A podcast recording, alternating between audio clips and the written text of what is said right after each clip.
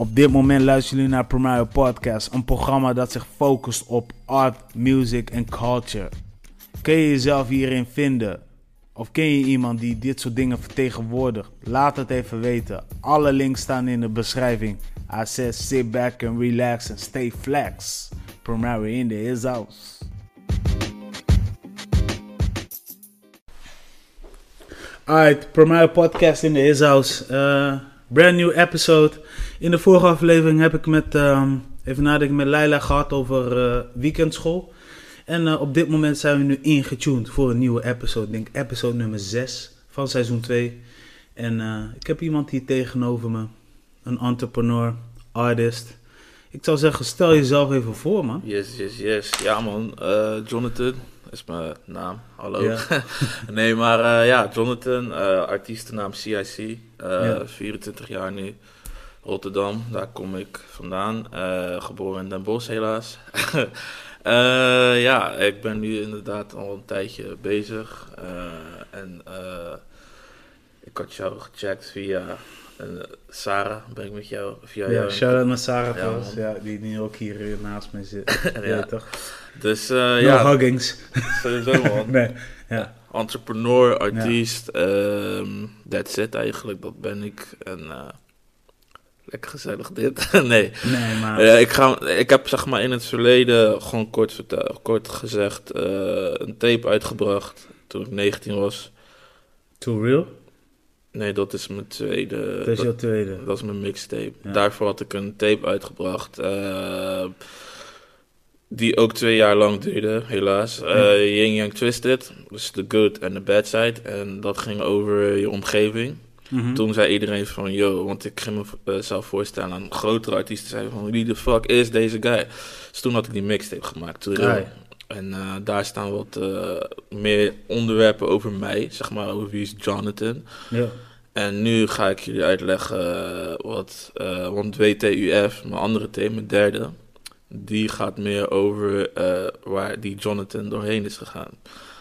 En eh, ja, daarvoor zit ik hier ook nu. Ja. Maar ook voor eh, andere Ja, dingen. natuurlijk. eh, WTUF. Ja, wat de universe fears. Dus waar, eigenlijk wou ik iets met...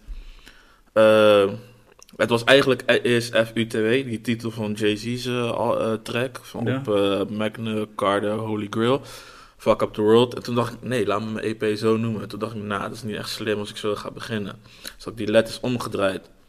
Hoe, wat kan hier passen? Toen dacht ik van, wat is het tegenovergestelde van de wereld gewoon opvolken business-wise? En toen dacht ik van, Oh, dat is iets wat de universum en de wereld gewoon bang voor is. Dan dacht ik, wat de universe is, is like real shit. Gewoon eh, loyalty, want dat kom je in business tegen. Ehm, eh, gewoon liefde, want in business zit geen liefde. Want FUTW is meer, eh, die komt ook uit dit jaar, is een andere EP dan. Ja. En dat is meer over de, de zakelijke, kant, zakelijke kant van Jonathan, maar ook gewoon ehm, de avonturen die hij heeft meegemaakt voordat hij is gekomen waar hij nu is. Ja man, en je moet nagaan, dit heb ik, drie, dit heb ik gemaakt, deze plan, toen ik 17 was. Gewoon van, ik ga eerst beginnen met mijn debuutape, mixtape, twee EP's en dan mijn debuutalbum. Ai. Ja man. Hoe ben je eigenlijk eh, op die leeftijd... waar, waar, waar, waar, zat je met jouw brains? Ik was eh, nog stagiair, man. Ik was een stagiair bij ex, eh, ik was nog expediteur in opleiding bij STC. Ai. En ehm, niveau 2 was dat. En ja, je komt daar, je komt van middelbare school af. Mhm. En je komt daar, je zit gewoon met guys die wat ouder zijn en shit. En ik was al bezig op de middelbare school, maar niet serieus. En ik Nee. heb het ook even gewoon Het was stilgelaten. pure interesse eigenlijk. Ja man, en we deden ook gewoon rap battles in de pauzes. Ja. En daarvoor ook nog op de basisschool, toen deed ik eh, niet, toen, toen kwam het rappen niet eens. Toen had ik gewoon één chick gedist en toen stonden echt drie klassen om mij heen. Ja man, dat is gewoon een eh, Gewoon moment. die chick dissen. Je bent wel master, man. Nee, het was zo. Zij, je weet toch die tijden dat je Ja, zei van... ehm, ja, maar wie zei dat ik zei dat jij dat zei? Oh, gewoon die shit. Ja, ja, ja, ja. En ik voelde me disrespected als 11-jarige guy. Dus ik ging naar huis. En tijdens kerst was dat voor kerst, weet ik nog goed. En ik ging gewoon een heel blaadje volschrijven. Sorry Melanie, zo heet ze. En ik ken haar nog. Maar eh, ik had gewoon een hele blaadje vol gewoon met gevaarlijke shit. Dus ik kom naar school. En dat was het ook nog. Ik had nog zo'n schrift dat ik elke dag aan mijn ouders moest laten zien hoe ik me had gedragen. Want ik Ja. was een probleemkind, blijkbaar in de leraren ogen. Dus toen had ik die chick gedist. en Toen zeiden mensen tegen mij, je moet hier echt mee wat doen. Want de middelbare gingen we voor de grap battelen. En nu Ja. op STC, toen ging ik die eerste tape maken. Ik was, sta, ik was gewoon de weg kwijt. Ik, eh, ik, wou, ik wou wel gewoon een 9 to 5 hebben. Ja. Maar toen dacht ik, dit is er niet, man. Toen ging ik hem in het boeddhisme in, ging ik lezen, toen ging ik chillen met Lars. En eh beste vriendin van mij. En die zeiden gewoon, yo, je moet hierin gewoon doorgaan, toch? En toen hadden we gewoon opgeschreven, oké, we gaan eerst deze tape maken, dan een mixtape. Dan gewoon twee tapes over hoe je daar bent gekomen. Want zij zeiden al, na die mixtape, ik weet niet waarom, maar je bent daar gewoon al. Ze hadden de tracks op Soundcloud gereleased. Toen Ja. al kregen we 600 views, eh, streams van mensen uit Amerika. Die zeiden gewoon, yo, dit is dope, dit, dat. En ik voelde me echt de shit inderdaad toen gewoon. Ja, die 600 Je voelde je geblest, toch? Ja man, want het was gewoon ook zo dat ik op een gegeven moment huis eventjes Ja. was uitgekikt. En Oh, ja. omdat ik niet op tijd thuis was. Rare shit. Dus toen Ah. ging ik drie dagen daar blijven. Gingen we tapen. Die mic ging, die computer ging elke keer om de half uur uit en shit. We hadden een goedkope mic. Maar we hadden wel gewoon echt whack-ass beats. Maar die rijms waren ook niet optimaal toen. Je weet toch, was wel lyrica, maar niet optimaal. Mijn accent was ook nog niet op orde. Nee. Op een gegeven moment, die guy, die had drie keer mijn tape verwijderd. Toen ben ik met guys gaan werken uit mijn eigen buurt, die nu wel wat verder zijn. Onder andere Kevin, eh Tev Woods, shout-out naar Tev Woods. Die guy was 18, die, nee, hij was een jaartje jonger als mij. En hij zou bijna al naar spinning gaan, dus ik zat in zijn kamer en ik nam op. Spinning als in de zin van spinning records? Of? Ja, Spinning Records. Ja. Nu is hij independent. Ja, nu doet hij grotere shit, man. Ja. Die man is... eh, Ja, ook, ook toch? Ja. Dus dat is gewoon dope om te zien sowieso, dat hij ook gegroeid is. Maar los daarvan, we gingen opnemen en hij zei, als je iets wilt hebben in deze game, moet je payen. En Van hem, die dag vergeet ik ook nooit meer. En sindsdien ben ik alleen maar producers en zo gaan payen, mix engineers. Eerste tape kwam uit, bam. Underground shows gehad van mensen uit de buurt en zo, uit Rotterdam. ja. Eh, toen kwam er nog een klein groepje andere rappers waarmee ik ook wel omging. Kev Tendency, shout-out naar hem. Daarna kwam die mixtape. Die mixtape die eh, ging over mij. En daar staat toch, daar ging ik gewoon alles doen. Daar ging ik ook laten zien van, eh yo, pop, ik kan urban, ik kan rap. En nu ben ik aan die EP begonnen. En daar ga ik wel over diepere onderwerpen loslaten. Dus Maar gewoon- zo is het eigenlijk een beetje ontstaan. Ja, en ik ging eigenlijk ook Ja. naar YouTube gewoon checken van hoe moet ik dit gaan doen. Je weet Ja. toch, want geen, ik ging shit sturen naar labels en ze zeiden ja het is leuk en goed, maar we hebben hier niks aan. Nee. Je weet toch, toen dacht ik wauw, jullie zijn arrogant, maar ik snapte het nog niet, je weet toch. Nee. En, ehm, ja man, beetje bij beetje kreeg ik gewoon game van mensen vanuit YouTube en eh, toen ben ik gewoon doorgegaan man. Ik ben gewoon alleen maar doorgegaan. Ik was niet committed gewoon, ik was nog niet dedicated toen ik 17, 18 was, maar toen ik 19 was, toen wel, je weet toch. Toen begon je pas meer te realiseren. Toen Ja man, ik moet stoppen met chillen ook. Ik ging niet stoppen met chillen, maar ik begon wat te beseffen. van, Aan chillen heb ik niks gewoon. Nee. Want we zitten gewoon in de auto een beetje voor ons uit te kijken en ons ding te doen.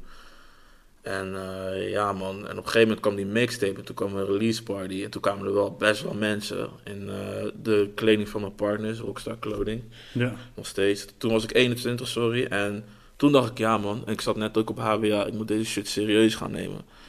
En nu heb ik die tape gemaakt. En eh, ja man, is- ik zit even in een andere versnelling. Ik moet zelfs die tweede tape, die ben ik nu ook aan het afmaken, zeg maar.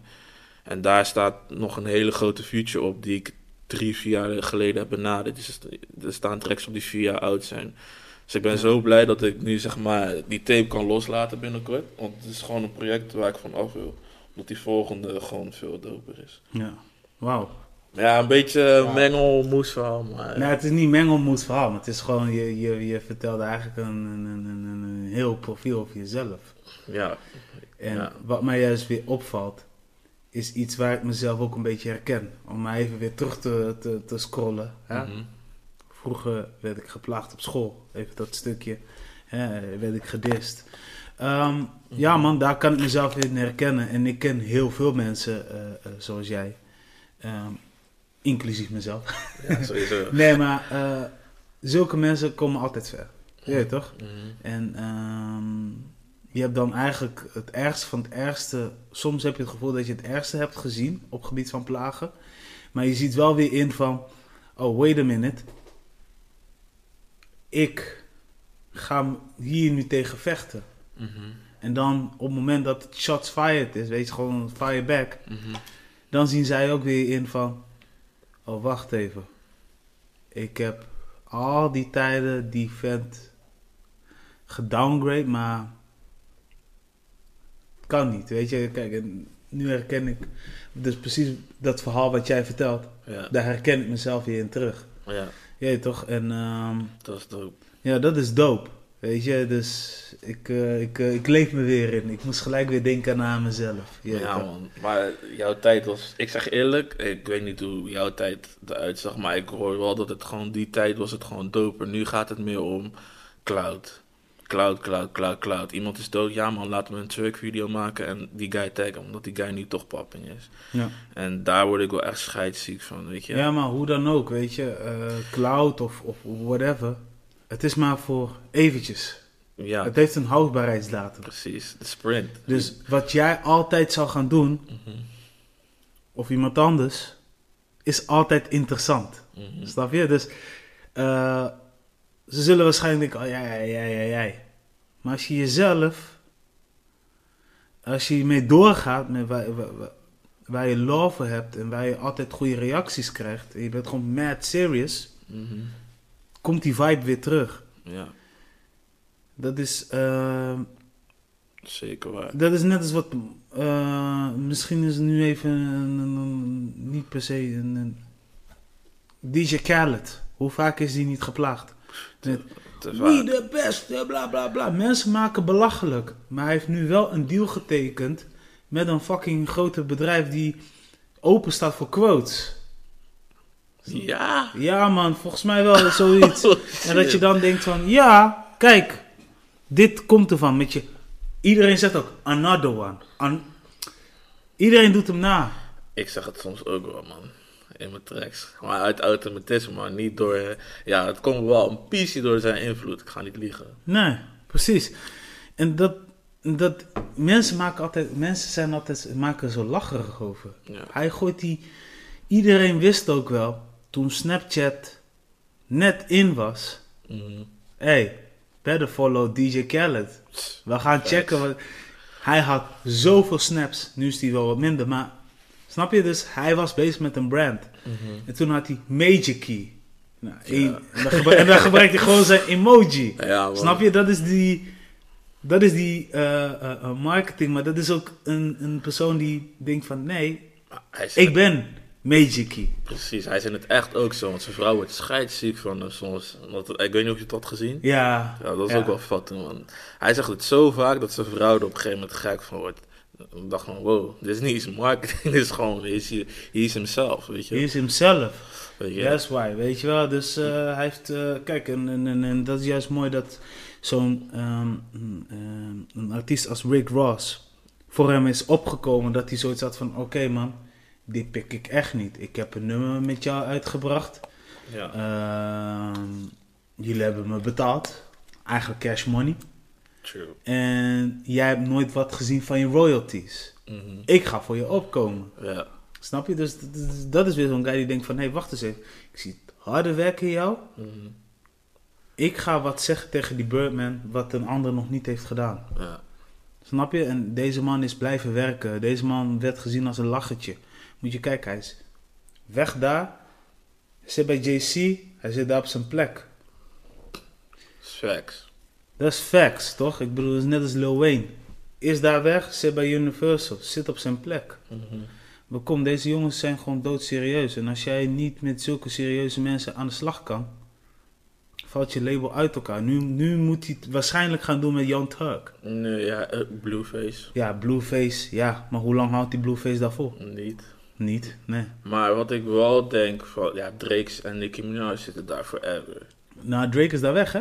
Nee, ik had voor het laatst bij eh, Forbes gezien, hadden ze een interview, Drake, eh, niet Drake, maar Mm. Birdman en die andere guy, Slim Talk of zo. Slim, Ja, Slim, zijn broer. ja, dus Oh hij ja, is ja, dat klopt, dat klopt, ja. forever in business with Drake. Ik dacht, wow, hoeveel money heeft hij wel niet? eh, Nou, laten we zo zeggen.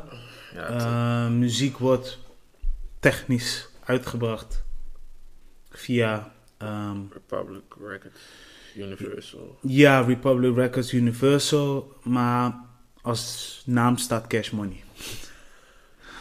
Ja, Ja, ja goed. We- wie zal zien. Maar dat is ook waarom ik naar de MIP bijvoorbeeld ben gegaan. Die dag dat ik werd aangenomen bij HBA, ik ben drie keer zeg maar, eh, Mhm. had ik me aangemeld. En de derde keer was het ja. Want ik was twee keer rap en de derde keer was het rap. Had rap ja gezegd en MIP.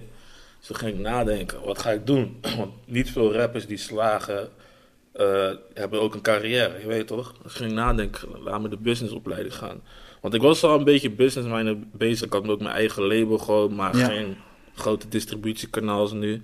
En ik had ook gewoon, eh, gewoon een klein groepje aan artiesten, toch? Die ik wou managen. En ik wist niet hoe en wat en zo. En door die school, ik zeg je eerlijk, man, ik heb wel gewoon plannen en dingen, gewoon in de business dan. Gewoon plan van aanpak, hoe je dat simpeler Ja. en makkelijker kan. Ja, ja, ja. Dus dat was wel gewoon handig. Want je ziet artiesten die in die game komen. Er is een Chief bijvoorbeeld, die is zijn eerste contract. Ik weet niet hoe het eruit zag, maar ik hoorde op die Convo podcast dat het fucked up was. En nu weet hij wel hoe die moet handelen. je weet Ja. toch? En, maar ik heb liever dat ik dat in één keer weet dan dat ik het later weet. En dat zie je nu ook bij een Drake. Ik denk dat Drake wel wist hoe het werkte, maar niet hoe diep het ging. En zijn Lil Wayne bijvoorbeeld. Weet je? Ja. En ja, dat wil ik gewoon niet meemaken. Dat je je artiest of dat je jezelf wordt genaaid. No man, dat is gewoon... eh, Nee, maar ja, weet je, dus, Het ja, het, is, het, is, het is wel zo van ken je rechten. eh, in de zin van, nu merk je ook wel, ehm, ja, ja, het is heel grappig dat je nu Convo Podcast noemt, want je hebt ook, ehm, je hebt ook, eh, ik zag ook een podcast volgens mij van Busy was het volgens mij. Busy? Ja, Busy was een keer te gast, maar in ieder geval hij, Oh ja, ja, ja. hij vertelde precies ook van, ja, ik zit wel onder Noah's Ark, maar ik heb een eigen VOF. En dat al die interviewers wel zaten te kijken van, oh, ik dacht dat jij ook contract had. Nee, ik heb net zoveel recht als wat Noah's Ark heeft. Weet je wel, zo van, Ja, maar deze guy, maar laten we ook eerlijk zeggen, Busy komt ook uit een industrie van Yellow Claw. Die heeft de major deals al gehad. Dus als je weer True. terugkomt, dan weet je eigenlijk al van, ik kan sowieso independent gaan. Mhm. Of ik ga een joint venture deal aan. Zover zit je waarschijnlijk aan je game. Mhm. Kijk, ik bedoel, eh, eh, eh, tegenwoordig als artiest. Sorry, Sa. nee, maar tegenwoordig als artiest moet je, er wel, moet, je, moet je wel je huiswerk goed hebben gedaan. Je toch? Ja, eh, eh, eh, alleen maar op jouw eh, rap zitten. Ja, Is niks. is ja. niks. Ja. Maar, wat vind jij ervan dat nu zoveel mensen artiesten zijn en zoveel mensen entrepreneurs zijn? Want de, ik geloof dat er zeg maar, je moet wel shit weten, maar ik geloof ook dat er zeg maar 70% het gaat, eh, niet gaat halen, zeg maar, of 60% die nu zeg maar entrepreneur wordt zijn, omdat het nu die markt wordt groter, social media Ja. wordt groter. Maar hoe onders- je moet jezelf onderscheiden, je moet Ja. als artiest al onderscheiden zijn, Ja. ook business-wise. Dus hoe, zit jij, hoe, hoe denk jij daar eigenlijk? Ik eh, ben eh, voor een groot deel ben ik super blij. Dat mensen voor de, het stukje entrepreneur, ook al hebben ze geen kaas van gegeten, ik ben er eh, blij omdat ik zoiets heb van, eh, zoals ik net ook al zei, ken, eh, bestudeer je rechten, ken je rechten. Kijk, Ja. want op een dag als jij er niet meer bent en eh, ook al heb je iets groots bereikt of misschien wel iets kleins, je laat je legacy wel over aan je andere mensen, weet je, je blood. Mhm. Eh, dat kan zijn je familie. Het kan zijn een, een- je beste vriend die je als familie ziet. Mhm. Maar diegene kan altijd, weet je, wanneer, wanneer, wanneer, eh, ehm, wanneer, de, ehm, eh, wanneer mensen bijvoorbeeld bezig zijn met eh, vooroordeel, terwijl jij al ooit een nummer over hebt geschreven, kun je altijd wel aantonen van, kijk, Ja, true. snap je? En, en, en daarnaast ook, ehm, je hebt nog geen kinderen, right? Nee, nee. Nee, maar oké, stel dat jij kinderen hebt. Kijk, één ding is belangrijk. Kinderen kijken altijd op naar wat papa of mama doen. Kijk, en, en, en, en het mooiste is zeg maar dat je je kind trots maakt van wie je bent. Niet als product, maar jij als een persoon die de vrijheid heeft en ook creatief is. Mhm. Snap je? Ja. En op het moment dat jij ouder, op het moment dat je ouder wordt, word je ouder, ouder. Misschien ben je dan tegen die tijd. Of wel papa, maar misschien ben je dan opa. Snap je? Laten we daar, laten we zo zeggen, je bent nu open. Ja. Hè? Je kan altijd tegen je kind zeggen, nou ja, dit heb ik voor gedaan, de zus heb ik voor gedaan. Dit is puur om de vrijheid hier in Nederland, of pure vrijheid over de wereld, en bla bla bla. Dan ga je je kind, een kind kan altijd zelf weten van, oké, ga ik dit bestuderen, ja of nee? Oh, als ik dit interessant vind, weet je, dan- sommige kinderen zijn automatisch trots. Je weet Ja, toch? Van, Ja. Hey, als opa er niet is en ehm, ik ga nu wel bezig met dat platform van wat hij heeft gemaakt. Mhm. Jij hebt iets achtergelaten Mhm. en jouw kinderen of jouw neefjes of nichtjes kunnen dit misschien wel tot nog een groter imperium bouwen. Dat is waar. Dat is net als eh, de Albert Heijn. Albert Heijn was eerst een kruidenier. Weet je wel? Dus, dus, dus dat je eh, dingen kon halen, kruiden om jezelf eh, te herstellen. Whatever. welk jaar was dat? Ah, dat is voor onze tijd nog wel, denk ik. Ja. Ja, ze verkochten eerst volgens mij alleen kruiden of zo. Zoiets he- heel vaag heb ik gelezen. Maar nu is het een supermarkt. Omdat een ander heeft overgenomen. Je weet toch, kijk.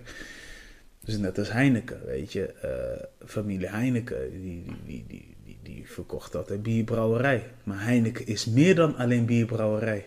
Snap je? Mhm. Er zit nog meer achter die business shit. Ja, klopt. Snap je? Eh, eh, eh, ze verkopen naast normaal bier verkopen ze ook nog gewoon.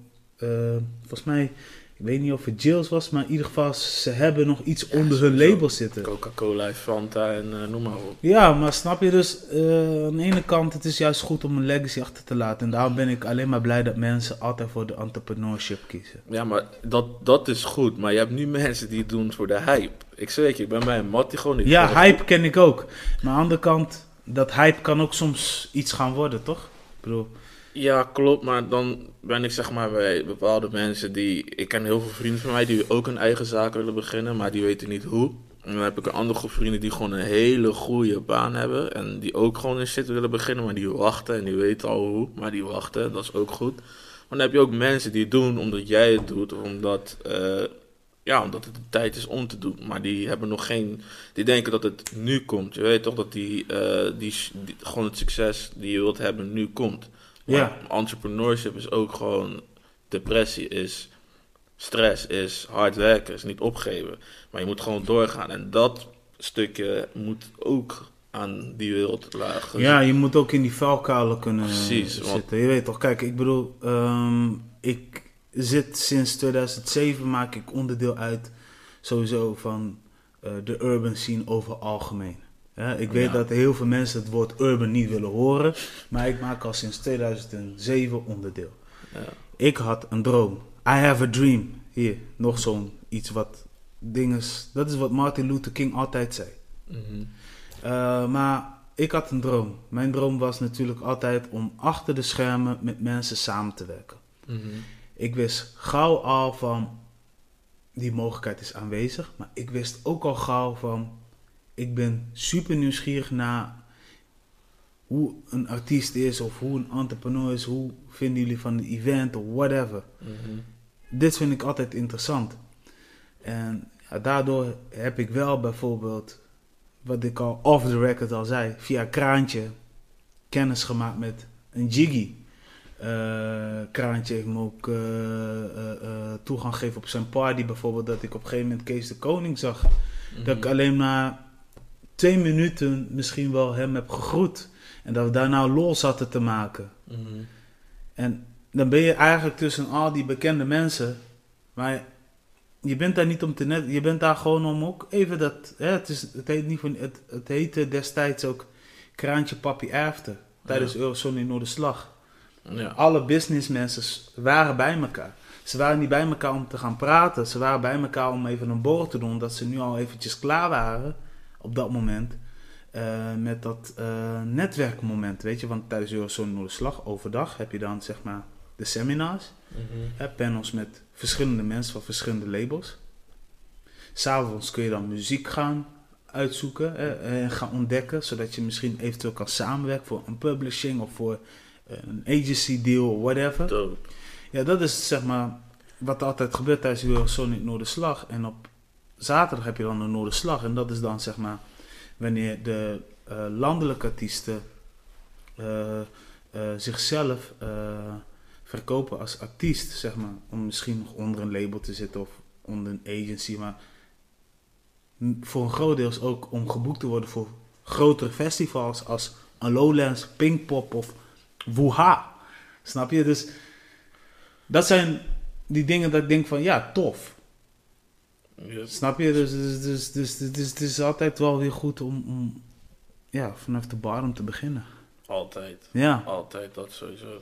ja. Dat Waar waren we gebleven trouwens? Eh, entrepreneurship, maar... Entrepreneurship, ja. Nou, Ja. dat het belangrijk is dat je eerst de bottom onderzoekt. Mm, altijd. En daarna, je moet niet gelijk... Oké, ik heb nu een heel YouTube kanaal klaar.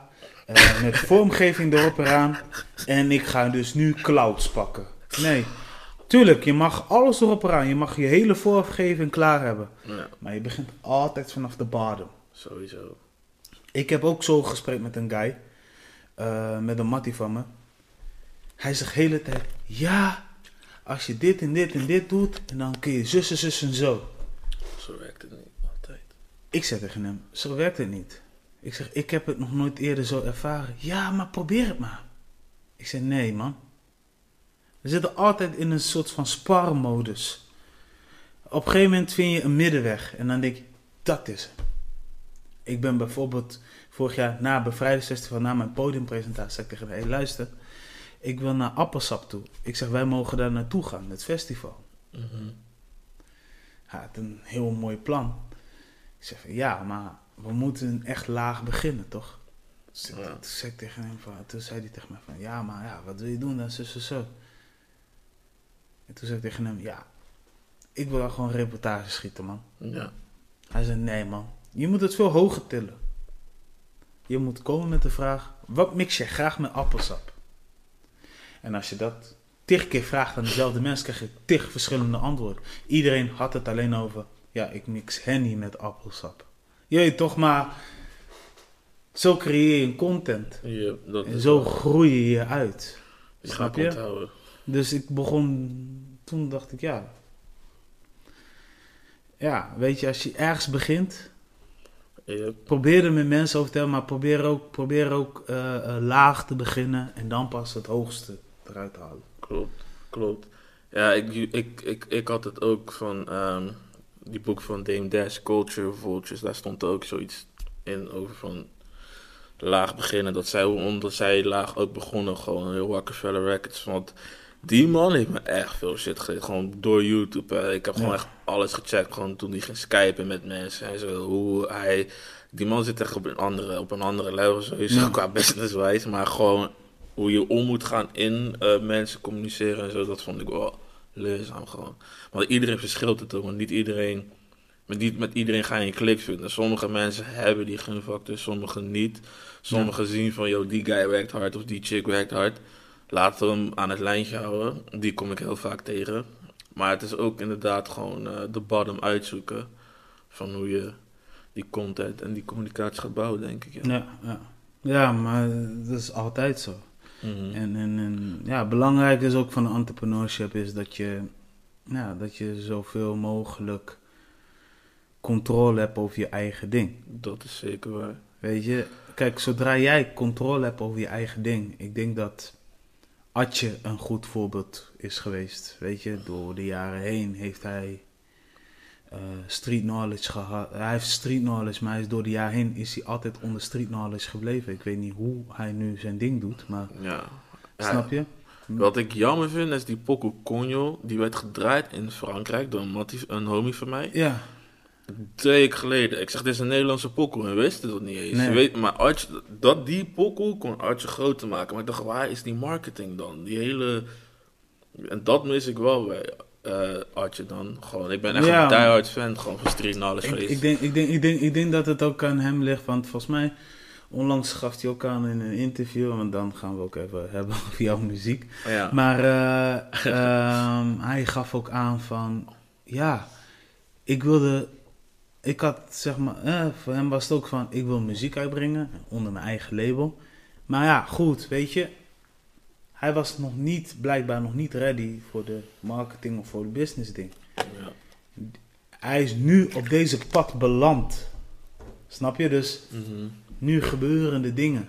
Mhm. Zeker wel interessant om te checken. En daar had hij met Nessim Naji over gehad. Maar het is maar gewoon het idee van... Ja, de ene begint laat en de ander begint nu. Het is, het is, het is, je moet het aanvoelen. Mhm. Kijk, eh, Atje is ook echt gemaakt voor muziek. En dat hoor je ook aan de hand van zijn refrein. Dat hoor je ook aan de hand van hoe een pokoe eruit ziet. Hij heeft echt hitjes gehad, man. Met Doel. Ja. Die weet ik ook nog goed helemaal eraf. Eh Kijk, eh, een voorbeeld. Hij heeft acht maanden in de gevangenis gezeten. mhm. Maar in die tussentijd is hij wel bezig geweest met pokoes. Mhm. Snap je? Hij, hij heeft verlof. Pokoe maken. Hij gaat, voordat hij, gevangenis gaat, voordat hij naar de gevangenis gaat, komt hij met een clip uit. Mhm. Weet je, Broodje van de Toko heette die nummer nog. Geproduceerd eh, door een eh mattie van me uit Groningen, Ezra. Weet je, en volgens mij zit hij ook nog eh, af en toe nog met Atje te babbelen. Maar het is gewoon even een voorbeeld te noemen van... Oh, voordat jij erin gaat, heb je een pokoe. Intussen tijd komt Joe met misschien wel, hè, want dat is ook Slaughterforce Ja. mannetje, je, platform. Ja. Dus jij zorgt er wel voor dat de term Slaughterforce blijft bestaan. Mhm. Ondertussen komt er een remix uit van die track. Mhm. Spring jij erin. En dan ben je vrij. Sta je alweer klaar met een nieuwe pokoe met verlof.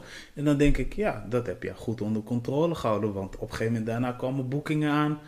En eh, ja, je weet toch. Dus Yep. ja, op die manier kan het ook. En ja, sowieso in Nederland heeft hij zijn ding wel. En dat is, Dat is echt gewoon inderdaad safe. dat is safe, man. Eh, hij kan nu ook gewoon zomertours doen. Yep. Ja, toch? Dus, dat is, dus zo'n guy is gewoon binnen. Yep. En eh, ik denk dat dat gewoon allereerst belangrijk is. Kijk, eh, als hij elke week aan zijn show kan komen en het komt nu in Frankrijk of in Turkije terecht. Ja.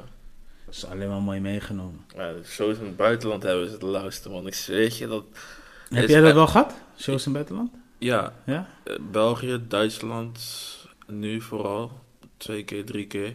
Maar Duitsland was de eerste keer de High Madlands Festival. Mhm. Dat ga ik nooit meer vergeten. Dat was gewoon een show... Ja, ik kreeg daar niet veel voor. We moesten vier uurtjes, zes uurtjes rijden. We dachten, fuck it, we gaan gewoon. Het was in Lutekeer, naast Stuttgart. Dus we gingen daar naartoe. Eh, op een gegeven moment, we komen daar aan, toch rijpen ongeluk over de fietspad heen. En dan worden die Duitsers aangekeken van Nederlanders. Je toch? Ze komen daar aan en ik ging nadenken van... Yo, ik heb hier ook geen bereik. We zaten echt op de bergen. Ja. Hoezo heet het High Madland, je weet toch? En op een gegeven moment is het allemaal stoners, stoners, stoners, stoners, stoners. Ik dacht, oké, ik snap het concept al. Je weet toch?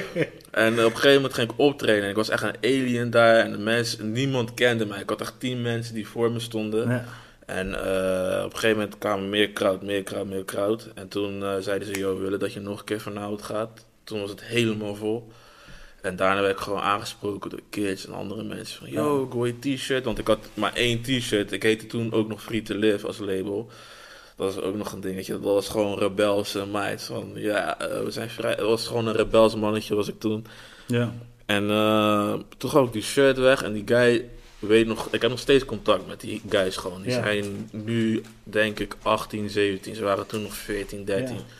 En dat was wel echt tof om te zien gewoon dat Duitse publiek, dat is, en dat zei die man ook, luisterde dan. Ja. Fuck iedereen, jij bent fucking hard. En ik kende die guy niet, Yunus. Ik zeg, ik ken je niet bro, en ik leer je nu kennen, maar jij bent fucking hard. En ga gewoon zo door. En daar heb ik die zelfverzekerdheid echt van gekregen, man. Het was niet door die pokoes Nee. die ik heb met guys uit Amerika of hier. Maar het gaat met die, die contact. ja, die maar want in. Nederland had ik ging optreden en ik dacht, fuck, jullie bouncen niet. Maar in Duitsland gingen ze gewoon springen en shit. Ja.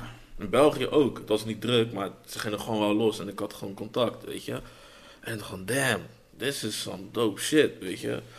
Ja, en later mocht ik voor Doughboy een keer openen. En toen er was een toernooi, die had ik gewonnen. Toen mocht ik voor Broederliefde openen op een festival. Leuk. Heel je tof. broer ook van afstand toen ontmoet. eh, voor een klein dingetje was dat toen.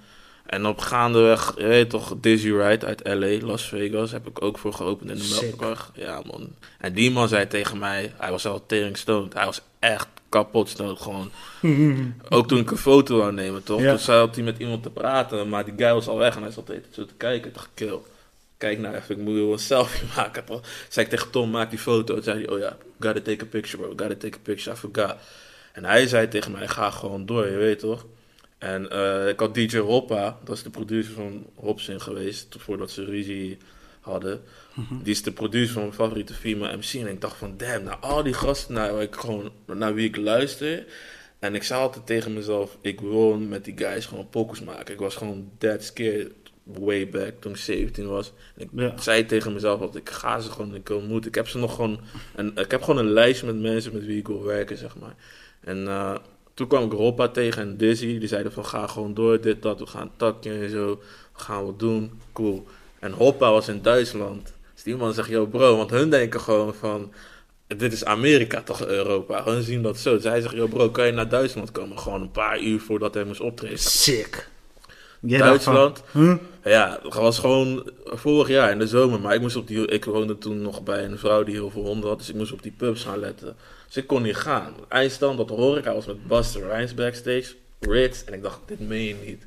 Hij zei, Ja. ja, ik heb eh, bepaalde dingen nodig. Je moet me helpen, dit, dat. Plus je kan nog misschien weer optreden. Ik dacht, ai, nou, serieus. Ja, nou, soms... En toen dacht ik van, Ja. it's not meant to be, or it's meant to be. En daar zit ik wel de laatste tijden mee. Nu ik in de industrie zit, dan kom ik bepaalde mensen en artiesten tegen. denk ik van, kunnen wij samenwerken? Zo ja, was it meant to be or not? Or is it not meant to be? Ja. En eh, daar gaat die tape ook over, onder andere. Gewoon van, wat de universe sphere is, is gewoon, is gewoon dingen waarvoor mensen bang zijn. En eh, in mijn volgende clip ga je dat ook zien. Dan ga ik zeg maar met platenbazen praten. Maar ik zeg gewoon nee tegen het contract.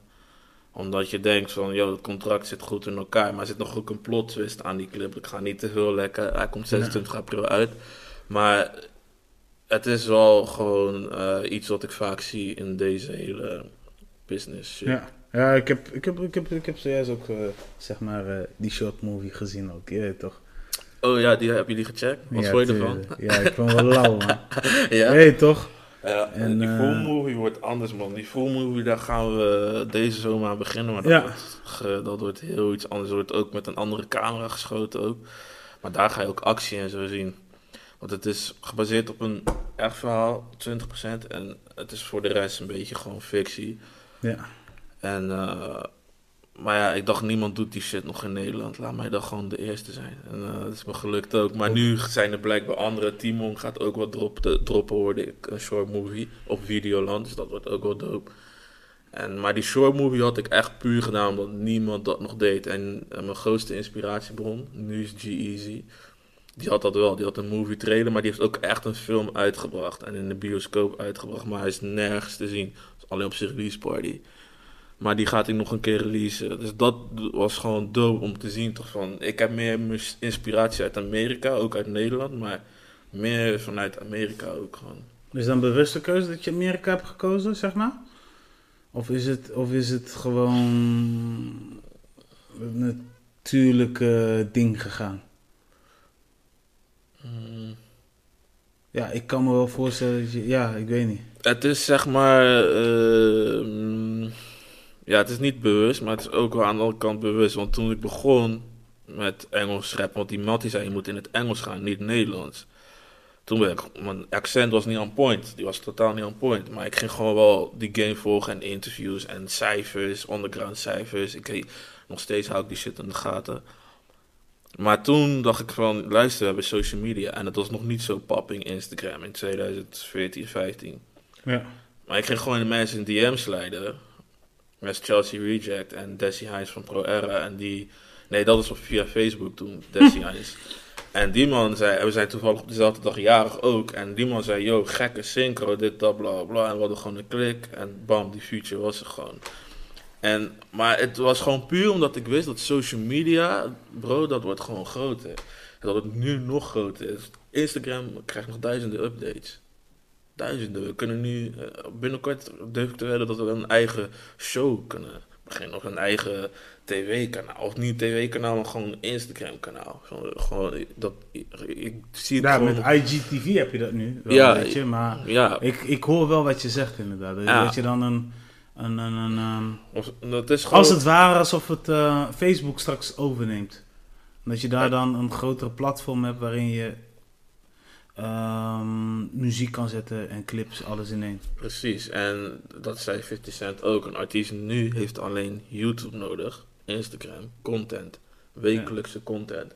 Ik ben niet een guy die wekelijks wat dropt, nu wel omdat er wat aankomt, maar ik ga er wel, dat wil ik wel nu gaan doen, zeg maar. Vandaar Ja. dat ik ook andere onderneming platform ben gaan doen. Want muziek vind ik leuk, maar het was Ja. ook van, dit wil ik niet de rest van mijn leven doen. En ik wil niet zeg maar eerst rappen en daar succesvol in zijn en dan wat anders gaan doen, wat heel veel mensen doen. Ik wil gewoon in één keer dat platform mee laten groeien met, eh, de- met het- Met wat je doet. Ja, precies. Ja, ja. Ja, want je vertelde eigenlijk net ook al van, ehm, om even terug te komen aan entrepreneur, want je, ehm, je hebt eigenlijk een eigen label, toch, right? Ja, ja. Unlimited Vision Records. Unlimited Vision Records, ja. Ja. En in, in, in hoeverre is die label, zeg maar... Eh, we zijn nu op een pad. Eh, ik ging vorige keer met. eh, ik ging gewoon een, om- op een blaadje gewoon checken waar ik nu stond, zeg maar. Ja, Dat doe ik gewoon altijd. Dat heb ik geleerd van een tijdsmanager van mij. Waar ik sta en waar ik naartoe wil gaan. ja, En nu zie ik gewoon van, oké, eh, ik kijk dan naar mijn zwakke punten en mijn sterke punten. Dat heb ik ook van Lucian Voort geleerd. Wat ging er goed, schrijf dat hier op. Dus Wat ging er slecht. Lucian, Lucian Ford, de, de legend. Ja, maar hij The heeft legend. aangepakt, man. Hij heeft me echt aangepakt. Oh, je hebt hem ook echt gesproken ook? Ja, hij heeft mijn plaat ook gemixt voor eh, moederdag, was Word to Mama. Die, oh, echt? Ja, want ik, het ging via een goede vriend Super van mij, sick. Eh, Rudy, die ken ik van basisschool. Ja. En Rudy organiseerde grote feesten in Rotterdam, Voodoo, voor ons, door ons, uit elkaar gaan, lang verhaal. En Rudy zei, yo, als je wilt mixen en masteren, ga naar Lucian Ford. En ik wist niet eens wie dat was toen, je weet toch? Shit. Zij komt daar en Rudy zegt, luister dan, dit is wel de eerste, dit is Lucian Ford. Ik zag MTV interviews, Kees de Koning, zijn eerste artiest. Ik dacht, wow. Dus ik ging live studio. Bro, ik zag apparatuur daar. Die studio was 2K, 200k. Ja, volgens, volgens mij heeft hij toch nog een piano waar Ja. eh, ehm, dingen heeft Luister. Stevie Wonder. eh, eh, Ja, ja, ja, ja. Dat hij dat nog nooit meer heeft aangeraakt. Ja, ja, maar, en, hij, en toen moest ik, want ik zat op Satkin toen nog. Ja. Was 2017, ja, 2017 zat ik op Satkin. En ik wist niet, ik, was, ik had me aangemeld voor ABA, maar ik was nog niet aangenomen. Dus eindstand, eh, hij zegt, je gaat bij mij stage lopen, dit, dat. Zatkin wou nog boycotten, ik ben gewoon als rebel daar gebleven. Want ik wist, ik ga Zatkin toch niet doen. Op een gegeven moment, ik leer shit van hem, gewoon business-wise. En gewoon hoe ik met mensen om moet gaan, bla bla. Hij was al daar en had contact met Roodjoch, met eh, Martin Garrix, iedereen, noem maar op. Dus ik was gewoon, oh shit, hier moet ik zijn, je weet toch? Zij uit die pokoe, hij zegt, yo, wie is dit? En wie is deze chick? Ik zeg, ah, die zit bij Absol, bij mijn favoriete rapper, die, dat is Tessie. Hij zegt, ik ga dit mixen. Dus ik had hem gewoon betaald voor die mix en die master. Mensen, producers werden boos toen die shit uitkwam. Gewoon, dit is je beste track tot nu toe gewoon. En toen, eh, ik heb gewoon veel van hem geleerd. Maar fast forward, ik had zeg maar van hem ook geleerd, schrijf je de goede dingen op en slechte dingen. En bij de slechte staan, staat meestal meer vol dan de goede. Als je in een proces zit, zeg maar. En ehm, eh, ja, en dan kijk ik nu ook bijvoorbeeld met die entrepreneurship, zeg maar. Want wat was je vraag ook alweer? Want we hadden het heel snel over. Nou ja, ik, volgens mij was mijn vraag meer in de zin van eh, eh, eh, over je label. Oh ja, over Zeg mijn maar, label. Ja. mijn label is nu op een fase, zeg maar, dat we... Ja, want ehm, zijn... Je hebt zeg maar een berg, dus dan teken ik zeg maar een berg uit die uitkomst. Dat doe ik altijd van zo'n rechte berg. En dan check ik van, joh, waar sta ik nu? En dat, die berg, die, dat hele tekening, dat heb ik nog steeds. Gewoon van, ik, sta, ik stond eerst hier in 2016... Nu is die mixtape uitgekomen, nu sta ik hier. Dat voel ik gewoon. Dat is iets raars. Dat is misschien een autisme van mij. Maar ik voel dat gewoon. En op een gegeven moment ging ik nadenken. Oké, we hebben een release gehad met Sony ATV Frankrijk. Die heeft mij benaderd. Daar heb ik ook nog eh, contact Ja. mee. Want hun hadden mij gewoon out of nowhere gemaild. Wij voelen gewoon dat jouw label groot gaat worden. We willen deze track releasen van Liam Summers op jouw label. Publishing shit. Ik snapte geen shit daarvan. Dus, eh, die track was uitgekomen. Die zit nu op de, dat is ook de grootste track nu op mijn label. Die gaat nu richting de 200.000 streams. Dat is een dance track met uh, Guy Album. Guy Album is weer de cameraman van Michael Blackson en al die shit. Hele rare combi. En Lia Summers is een producer die eh, in een groep zit. Eh, hoe heet ze nou? Ik ben de naam vergeten, maar het is een collectieve producersgroep die voor een major laser ook platen maakt onder Warner en shit. Dus ik dacht, wow. Oh, ze zijn echt de ghost producer, om maar zo te Ja. zeggen. Ja. Ja, dus toen was die plaat op mijn label uitgekomen. En toen kreeg ik meer credibility. Toen kon ik ook met een Art Sounds praten. Want ik wou hem ook op Art Sounds doorlicenseren toen destijds. En die zeiden, no man, dat, eh, dat, we, gaan, we gaan checken. Maar had je nou over Art Sounds, De label. de label waar Jason Trill zit? Ja, toch? Daar had ik ook In contact Equals, mee. ja. ja, En ja. eh, via uh, shout-out naar Mai had ik haar gemaild. Zij zei nee, dat gaan we niet doen. En toen had ik haar een half jaar later gemaild van... ...joh, dit is uitgekomen. En zij zei, wow, je bent echt gegroeid, dit, dat. Want niemand geloofde in die pokken. Echt elke publisher, label... Want ik, daar, dat is met mijn label. Wij onderscheiden onszelf. Wij willen geen topnotch eh, commerciële rappers... ...of gewoon... eh, Mensen die met simpele muziek komen. Het moet echt uniek zijn, of het nou Nederlands of Engels is. En Liam Summers was gewoon een opportunity. Dat was een goede muziek en opportunity. ja. En een relatie, want ik focus me eerst op de relatie, gewoon tussen die mensen. Dus fast forward, die track kwam uit en mensen, ik kon gewoon met mensen meeten, gewoon in de industrie ook, gewoon door die track. En mijn EP en mijn mixtape was ook uit met featurings. En dus mensen weten al gewoon van, dat is Jonathan en dat is het label. Ja. En toen kwam eh, een distributiedeal met eh Membran en The Orchard. Fast forward. En eh, dat is de grootste distributiebedrijf in de wereld, de Orchard. Maar Membran valt onder hun, zeg maar. Het is van Sony. En Ja. Toen ging ik denken van, oké, dit is ook wel een opportunity. Dus er komen nu wel gewoon dingen naar mij toe in plaats van dat ik er naartoe ga. ja. En ik vind het gewoon tof, weet je, om die A&R's te ontmoeten. Want van hun leer je ook. In die, van die meeting leer je gewoon. En Ja. uiteindelijk is het niet een leer shit, maar je moet ook gewoon een deal kunnen sluiten, of course. Maar eh, waar het label nu staat, is gewoon, we zijn er. Mensen weten wie we zijn. Maar het moet nu gewoon, eh, dat we, eh, we droppen nu ook maandelijks muziek. Daar staan we nu. Niet wekelijks, dat ga ik pas over twee jaar kunnen doen, denk ik. Drie jaar hoop ik. Maar het jaarplan voor nu is gewoon maandelijks muziek droppen.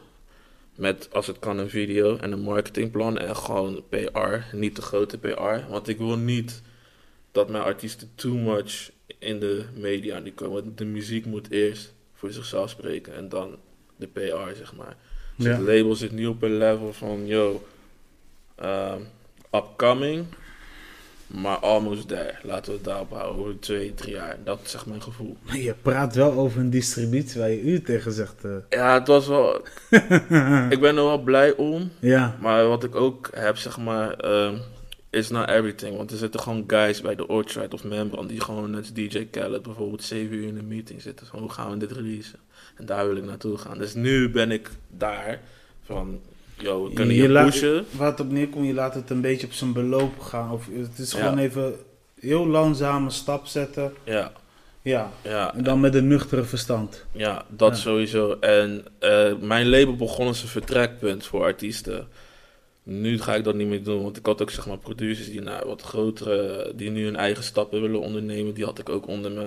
Ja, Maar nu ga ik er echt gewoon, nu wil ik het gewoon vastleggen, gewoon met eh, artiesten en, eh, en ook die, mijn andere ondernemingsplatformen wil ik het gewoon nu vastleggen, doorgroeien, doorgroeien, doorgroeien en gewoon een imperium bouwen, wat het nu ook begint te worden. En ehm, ja, het is gewoon eh, erin geloven en gewoon doorgaan. Want op een gegeven moment zat ik ook wel van, ja, die distributie die was nice en die publishing release is nice, maar er zijn ook gewoon mensen die ik ben tegengekomen die dan, eh, die dan wat beters te bieden hebben. En daarmee wil ik ook gewoon in contact blijven en mee doorgroeien. ja. Eh, en dat is gewoon voor mij een leerproces sowieso. Ik ben nog super jong. Maar aan de andere kant denk ik ook van, joh, nu moet het wel gewoon gebeuren. Maar niet met deze EP, en dat durf ik te wedden.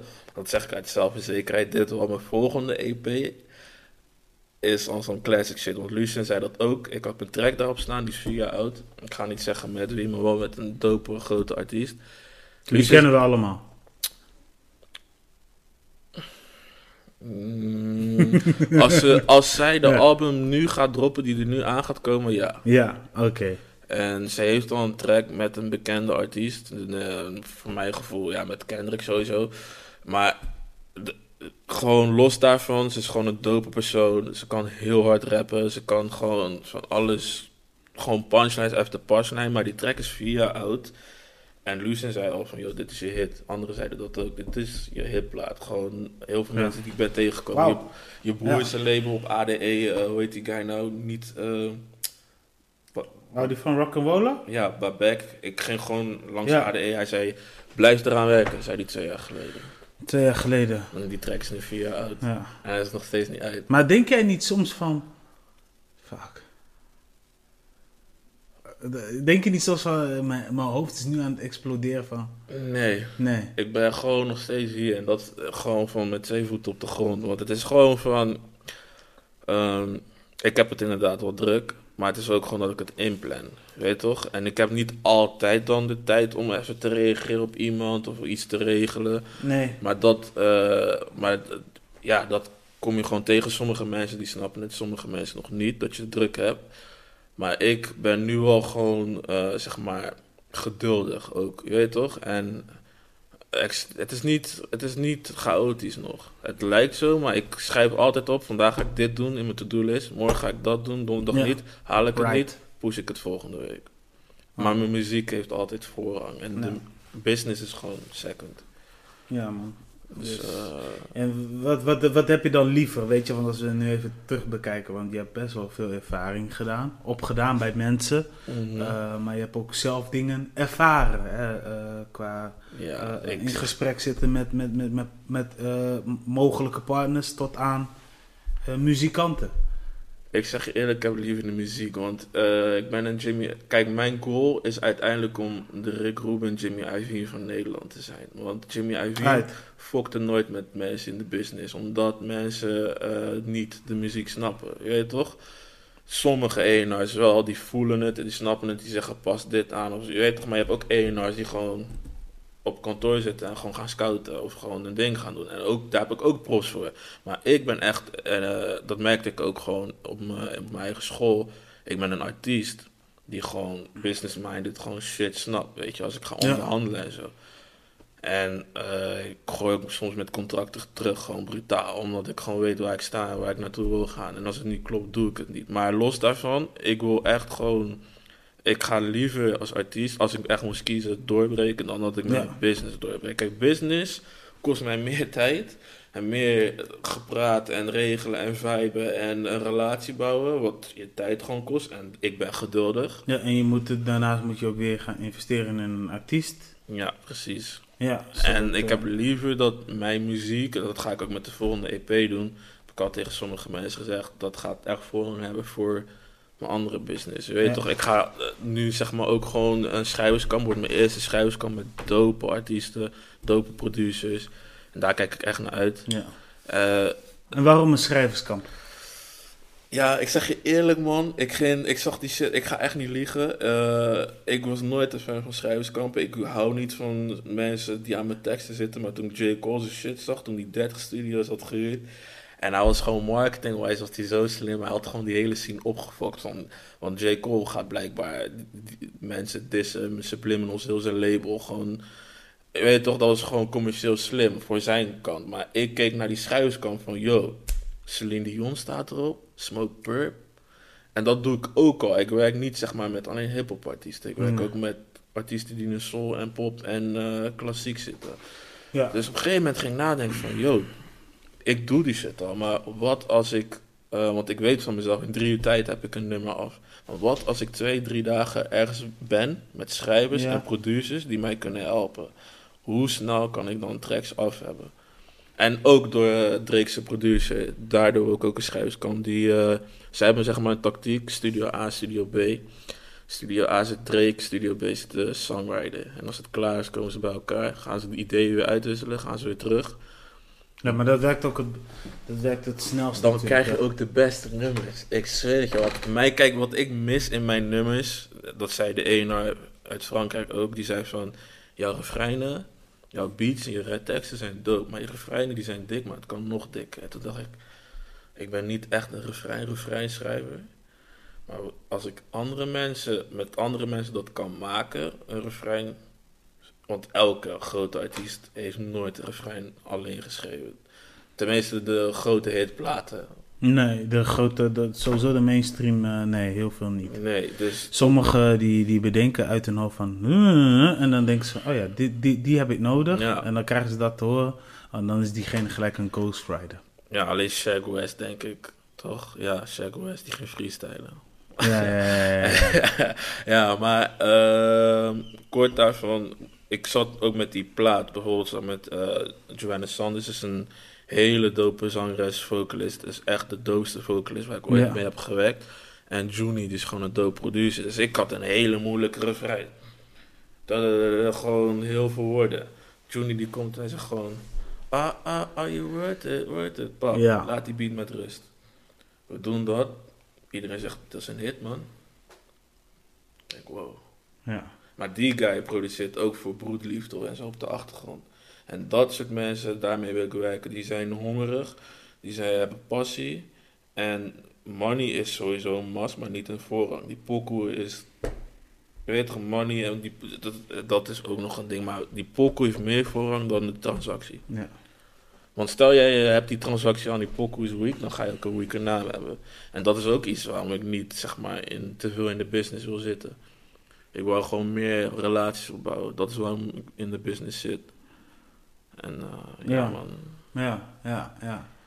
Ja, wauw. Het is eigenlijk, ja, oké, waar het op neerkomt, muziek, muziek, muziek gaat jouw ding ook worden. Ja, Dat, dat, want tenminste, zonder... muziek is jouw ding, maar eigenlijk naar het, hè, eh, ehm, moet ik het zeggen? Eh, het gaat naar het veel grotere, je hebt er een veel eh, bredere beeld bij, om maar zo te zeggen. Ja, Ja, want ja. zonder mijn muziek was er ook geen agency, was er geen management, was Nee. er geen label. Nee, De muziek was altijd eerst en het gaat ook mijn eerste liefde blijven, weet je. De, de agency vind ik dope om te doen. Dat is ook nog iets. Ik heb zeg maar fotografen en stylisten en eh, videocamera, of videodirectors waarmee ik werk, want dat is gewoon een gat in de markt. Ik zie heel veel mensen die komen van grafisch en die komen niet verder. Why? Geen netwerk opgebouwd toen ze in een opleiding zaten, of ze hebben die gunfactor niet. Net, als- je weet toch, I don't know. Het is altijd iets. het is altijd een van die twee, hè? Ja, Ja, en eh, ik had dat dus juist weer wel. En sommige boys waarmee ik ga werken, die zeiden van... Yo, dat is echt dope dat je dat doet, man. Want ik heb dat wel nodig. Want management deed ik al voor een artiest. Maar nu dacht ik, laat me dat ook doen voor een eh, andere groep. En dat wil ik dan... eh, meer de creatieve kant. Ja, ja, ja. ja. Videografie, eh, fotografie. en ik moet oké. zeggen, eerlijk zeggen, eh directen is nog iets wat ik moet, eh, waar ik in beter moet gaan worden. Eh, Tenminste, dat, dat doe ik nu wel goed, maar niet eh, op, dat, daar wil ik sowieso nog beter in gaan worden. Maar het is nog niet op een level dat je zegt, wow, maar de editing en de camera en het verhaal, dat, dat is altijd met mijn clips ook. Er zit altijd een verhaal achter en dat willen mensen gewoon. Tegenwoordig heb je clips met vrouwen, change en geen onderwerp. En ja man, Ja, dat, ja, dat ja. doen wij niet. Nee, dat doe je, nee, nee. Ja, kijk, eh, het, is- het klopt wel wat je zegt. Ehm, sowieso in het grafische wereld. Mhm. Ik kom ook van het grafische wereld vandaan, zeg maar. Omdat ik grafiemedia als opleiding heb ge- eh, gevolgd. Ehm, is het zeker belangrijk eh, om te netwerken. En vooral ook social media te gebruiken. Kijk, ik zelf, het is omdat ik radio maak, het is omdat ik me ook in de evenementen heb verdiept. Daardoor ben ik die grafie media gaan volgen. Maar vervolgens dacht ik, hé, hey, wacht eens even. Het is zo leuk, dat vormgeving en dingen. Laat Ja. me even checken hoe de foto- en videowereld in elkaar steekt. Nou ben ik niet een professionele fotograaf. Nou ben ik niet een professionele cameraman. Mhm. Ik weet in ieder geval hoe je zeg maar moet editen, hoe je moet exporteren, waar je moet opletten qua geluid. Zolang je die basis weet, ben je al een end verder. En Mhm. als jij contact hebt met mensen, ben je nog verder. En ik denk dat dat mij ook heeft gemaakt, eh, eh, eh, naast radio presenteren, dat ik ook een podcaster ben. dat ik ook nu veel meer met het publiek durf te praten over van alles en nog wat. Kijk, Mhm. ik, ik doe sinds 2016 eh, presenteer ik bijvoorbeeld Bevrijdingsfestival. Ja. Nou, dit jaar 2019 ga ik het weer doen. Dus ik eh, doe dat nu al ongeveer eh, drie jaar. Of dit, ja, dit is dan de vierde editie wat ik ga doen. Maar anyway, ehm, in, in dat proces was ik nog net begonnen. In 2016 ben ik begonnen met vloggen. Omdat iedereen zegt, ga maar vloggen.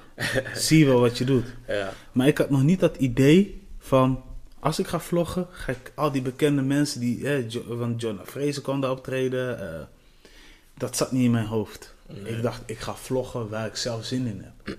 En iedereen van het publiek, of, of, of niet van het publiek, maar heel veel mensen hadden verwacht dat ik zulke mensen zou vastleggen. Ja. Maar ik ben niet van die cloud dingen, je weet toch? Ja, Eh, ehm, ik heb echt bewust die mensen niet in beeld gezet. Weet niet, ik voelde dat nog niet of zo. En ehm, terwijl ik eigenlijk ook al, het, best wel gek, ik ben in 2007 begonnen, maar in 2009 heb ik mijn, eh, een van mijn eerste interviews gedaan met, eh, met, eh, met Kraantje. En ja, ik kom dat Kraantje ook kende, maar, maar ook met de opposites en zo, weet je wel. Maar Hard. je weet toch, ik, ik, ik weet niet, ik was nog niet helemaal ready voor alles. Dus Ja. ik dacht, geef alles maar een tijd. Yup, dat is best. En ehm, ja, man, eh, zo, zo is er een creatief proces ontstaan. En ik dacht, hé, ik moet leren editen, ik moet leren dit. Kijk, en nu zit ik in een groep voor Bevrijdingsfestival. En ik zit met een groep jongens. Ik heb een, jongen, eh, ik heb, eh, een groep jongens die video's doen, dus de Mhm. videoproductie. En ik werk ook met een persoon die dus ervaring heeft in DJ, dus de hoofdredacteur van de radioshow. En ik werk samen met nog iemand die, waarmee ik samen zeg maar, het podium aan het presenteren ben. ja. En dan hoor je wel, oh ja, jij doet presentatie, jij doet van alles. Ja, ik ben eigenlijk wat dat betreft, ben ik zeg maar de duizendpoot. Mhm. Maar ik merk bijvoorbeeld, wanneer de DJ aan het praten is over programmering of over, eh, ehm, over, over het festival, whatever, Ja. zeg ik ook altijd, hé hey jongens, ik vind het cool dat we hierover hebben, maar laten we het even hebben over creatieve proces. Weet je, laten we het hebben over de content die gemaakt moet worden. Precies. Ik zeg, want jij hebt verstand van muziek. Ik snap de wereld, zeg maar, eh, want ik heb ook verstand van muziek, maar ik snap de wereld van de creatieve kant. Ja. Maar ik weet ook wat die jongens van de video willen. Snap je? Dus Yep. laten we ervoor zorgen dat dit zo eventjes zo is. En, na, eh, en dan misschien twee weken of een week van tevoren dan wel inhoudelijk over de line-up hebben of whatever. Precies. Eerst ervoor zorgen dat zeg maar de, de templates klaar is. Je weet toch, dan, dan kunnen wij, dan kan de, kunnen alle motoren aan. Precies dat, man. Je hebt daar echt gelijk in. Want het is zeg maar... Het is ook gewoon goed dat je die zelfinitiatief hebt. Want sommige Ja, want mensen hebben niet die Je moet, je moet echt ervaren. Kijk, ik wil niet zeggen, want de DJ die waarmee ik samenwerk, die kan ook video editen. Hè? Daar- niet van. En die heeft het wel eens uitgevoerd met een GoPro. Ja. En die heeft het met iMovie gedaan. Je weet toch, eh, dat is ook dope. Je weet toch, maar ehm, eh, hij, eh, het is niet om hem naar beneden te drukken of zo, maar Nee. ik zit nog iets verder. Ik heb lopen, tijdens vloggen ben ik leren gaan editen, ben ik leren effecten in gaan gooien. Ja, Weet je, dus Via YouTube ook gewoon, toch? via YouTube. Maar nee, nee, eigenlijk ook, ja, een beetje via YouTube. Maar heel veel van, oh, als ik deze filter eruit doe, oh, kan die kleur veranderen, die tekst en eh, font. Maar wat het ook is met die, eh, die generatie nu, die haalt een camera van 4.000, 3.000 euro. Die vraagt gelijk, bam, ik wil dit ervoor.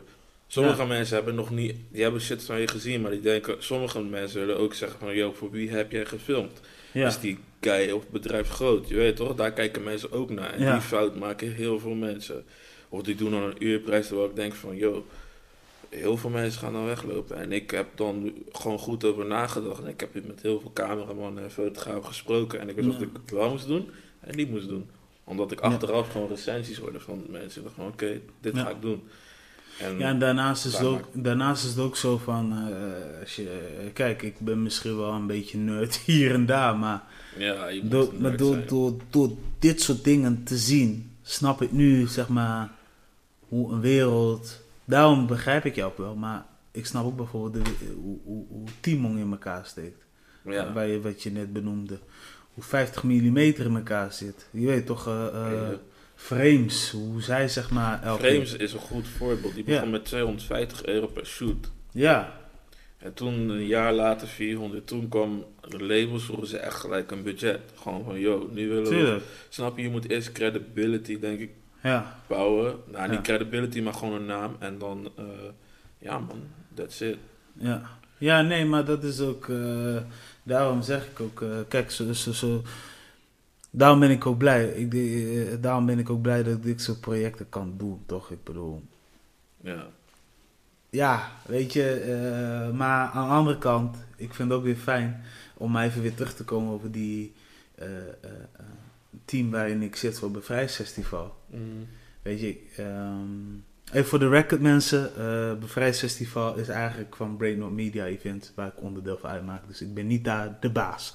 Om maar even dat even uit de lucht te gooien, snap je? Dus, de balls. I'm not the boss. Ik zeg, eh, we, we, we bemoeien er allemaal mee. Mhm. Maar in ieder geval, ik ben wel blij dat ik, want ik val weer herhalen, dat ik daar gewoon zoveel ervaring heb opgedaan. Ja. Dat ik nu pas inzie van, oh, dat bedoel je, dat bedoel je. Ja. Laatst was ik ook bij Snelle. Ik heb Snelle geïnterviewd. En het was ook een hele snelle interview trouwens. maar wat eruit is gekomen, hij was ervan verbaasd. Snap je? Zo van, hé, hey, dit is wel tof wat je maakt. Snap je? Ehm, ik had echt verschillende vragen bedacht. Maar uiteindelijk hebben we het wel, ik, en samen met die videomannetje, hebben we wel één video van gemaakt van, hé, hey, nee man, dit moet er tussen, dat moet er tussen, dat moet er tussen. Ja. Kijk, ik ben met hem aan het communiceren terwijl hij aan het editen is. Mhm. Maar op een gegeven moment zei ik van, hey, wacht even, pauze. Dit moet eraf geknipt worden. Snap Ja. je? Hij is wel de main editor, alleen ik kan met hem erover praten. Ja. En dat is belangrijk, zeg maar, als je een, een, een, een een reporter bent of whatever. Zorg dat je een kleine kennis hebt, zodat je er echt over kan praten. Want ik ben ook weer van overtuigd, als jij, als jij ehm, een presentator bent of je bent een reporter en je gaat hier en daar wat mensen interviewen. Mhm. En je komt op een gegeven moment bij diegene thuis en jij geeft aan en je kijkt naar het product en je geeft aan, nou, dit moet anders, dat moet anders, kun je niet zus, kun je niet zo. Dan gaat een editor die achter de computer zit, niet na het begin, misschien wel na een uur, jou zat zijn van, hey, shut the f op of ga gewoon naar huis, ik maak het wel voor je af. En je ziet het vanzelf wel. Ja. Weet je? En op het moment dat dat af is, ja, denkt de reporter, nee, het kan nog net iets anders. Weet je, soms, Ja. daarom zeg ik, kleine kennis Mhm. zorgt voor zoveel vrede, zorgt voor zoveel energie. Mensen krijgen zelfs energie van jou als je op een gegeven moment, ja, ja, Ja. ik weet niet. Ik- ja, dat, dat, dat, dat is hoe ik me altijd heb ervaren als... eh, Het klopt, hè. ik heb het al meegemaakt met eh, een edit. En het moest de hele tijd aangepast worden, aangepast worden, aangepast worden. ja, Van het label dan. Op een gegeven moment zeiden ze van, yo, kies die beelden uit. En dan gaan we checken van wat Ja. we kunnen doen. Of wat jullie ermee willen doen. maar het geldt niet voor iedereen hoor, maar goed. Dat ja, is, eh, klopt. Maar je hebt, dat is het ook. Je hebt ook zeg maar, dat was echt een, je weet toch, we hadden een dag de tijd om die clip te shooten. We hadden geen shotlist kunnen maken, niks. Hij zei, Nee. morgen, morgen. En je weet toch, die guys hebben gewoon geld te veel. En toen dachten we, ja toch, we doen het gewoon. En bij de editing, dan ga je het pas zien. En dat is gewoon, daar heb ik gewoon van geleerd. Zo. Mhm. Daar ga je het zien. In de editing ga je echt zien wat je wel of niet kan gebruiken. Want eh, ik werk ook met iemand die echt op de... Shout-out naar Jelle. Die echt op de puntjes gewoon werkt. Weet je, echt op de puntjes, op de i werkt. En gewoon zegt, ja, die kan ik niet gebruiken. Terwijl ik vind dat die beeld wel kan gebruiken. Ja. Maar dan legt hij me weer uit waarom niet en waarom wel. Snap je? En dat, Het is altijd een strijd, hè? Dus, Yep. dus, dat is leuk. Dus ik vind, ik vind, dat- vind ik de meest leuke aan bijvoorbeeld ehm, wanneer je bezig bent met een project, hoor. Videoproject. Ja, maar ook toen ik moest directen, toen deze shoot, ik werd helemaal paar op een gegeven moment. Ze waren het bezig met andere dingen. Die stylisten deden een beetje af en toe te langzaam. En dat moet je aansturen, toch? Op een gegeven moment eh, zegt die Helle dan weer tegen mij: Nee, we gaan vanuit die hoek schieten. We gaan vanuit die hoek schieten. Weet je toch? En met mijn eigen clip die ik moest directen. Ja, daar, als ik dat met hem heb, dan, dan eh, zeg ik nooit wat tegen hem. Omdat Nee. het mijn clip is. En als, anders gaat hij weer zeggen, maar hij moet het altijd weten, omdat hij van bepaalde hoeken wil shooten. Ja. Want hij, wil, hij heeft een beetje een filmvisie altijd, maar hij is nog Ja, niet, snap je, hij is nog niet gewend aan die cl- clip. hij heeft een eigen compositie volgens mij. Van, Ja. Van, Ja, precies. Maar dat ga je ook in die volgende clip zien. Je gaat heel veel stille posities zien, maar wel clean en een klein beetje beweging hier en Ja. daar. Maar eh, tegen hem heb ik het expres niet gezegd over mijn clip. En, en ik zei ook, jij gaat hem niet editen. Daarvoor hebben we een speciale editor. Die gaat het nu, die, die, die edit zal af. En eh, als je het gewoon nu ziet, gewoon van eh, hoe die hele proces dan in elkaar zit. Hij snapte het ook toen die edit Ja. klaar was. Van, oh, nu snap ik waarom ik hem niet zou editen. Want hij laat ook scènes lang lopen gewoon. En dat ga je gewoon terugzien. En dan dacht ik van, nee, dat moet meer hebben.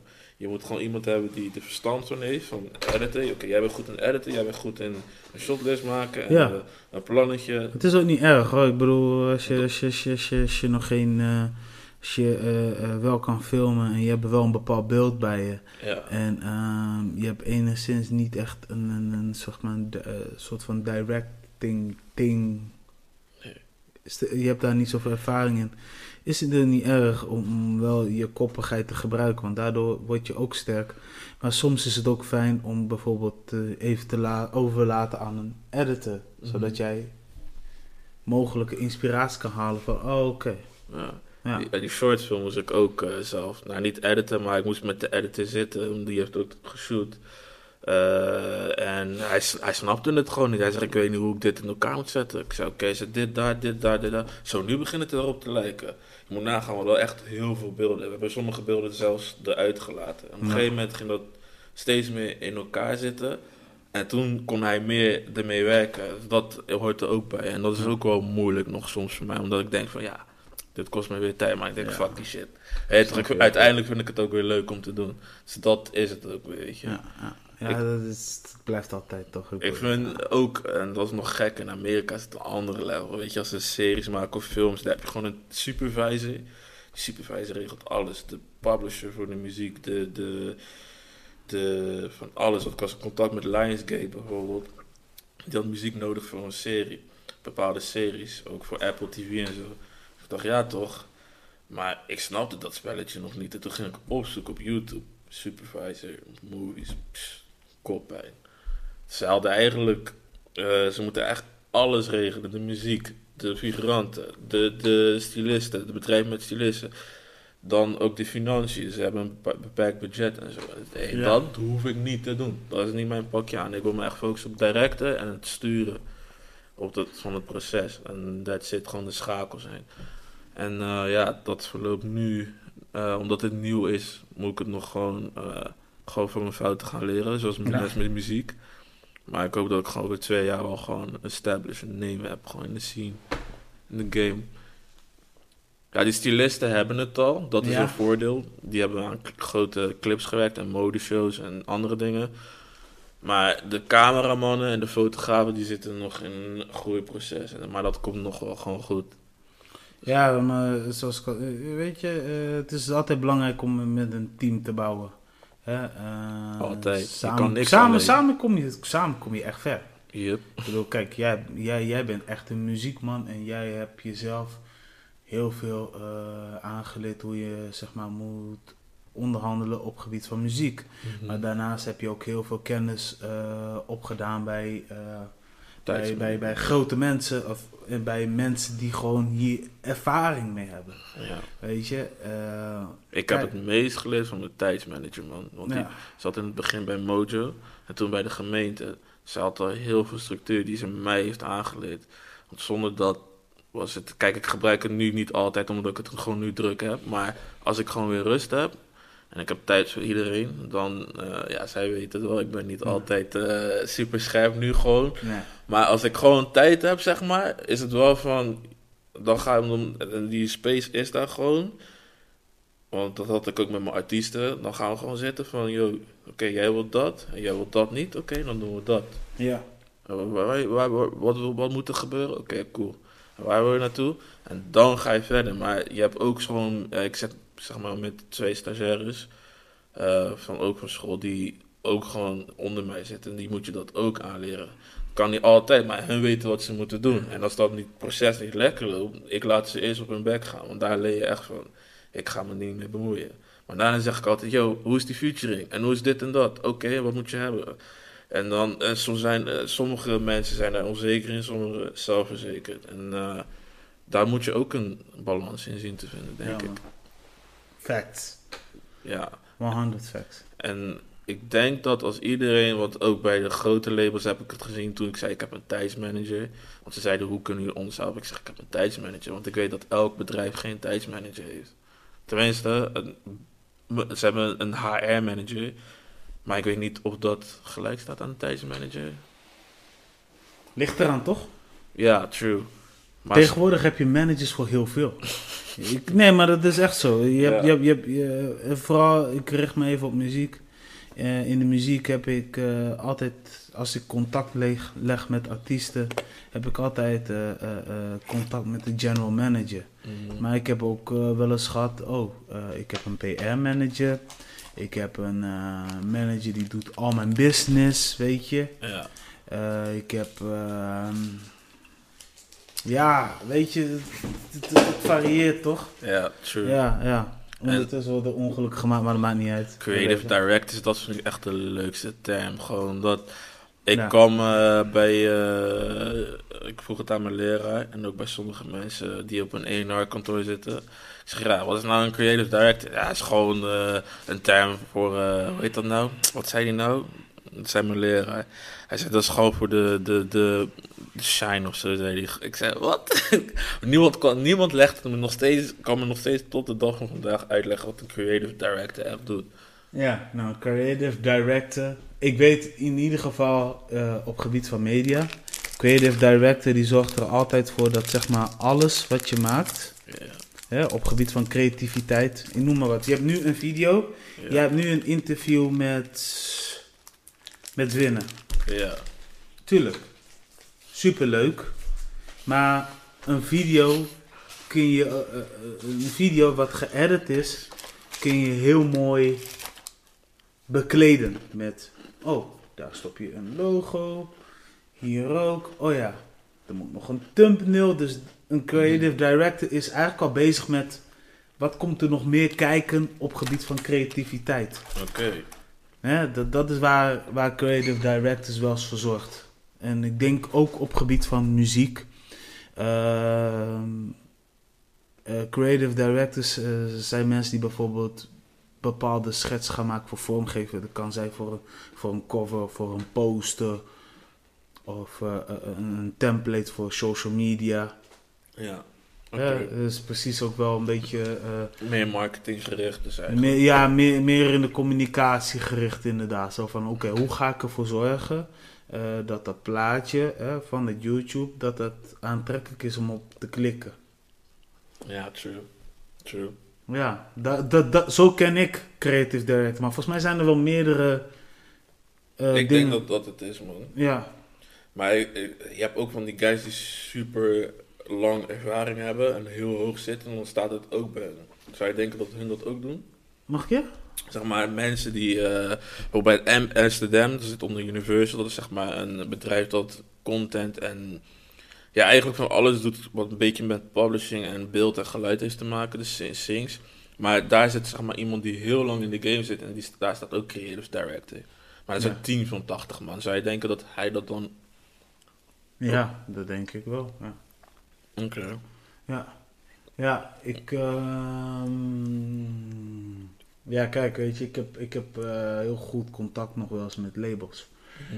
En, ehm, maar zo ken ik een jongen die is ook heel goed met labels. En die maakt ook heel veel dingen voor labels. Mhm. En eh, op een gegeven moment zei hij tegen mij van, eh, ja, dit heb ik net gekregen van de artiest. Dit was de eerste opzet.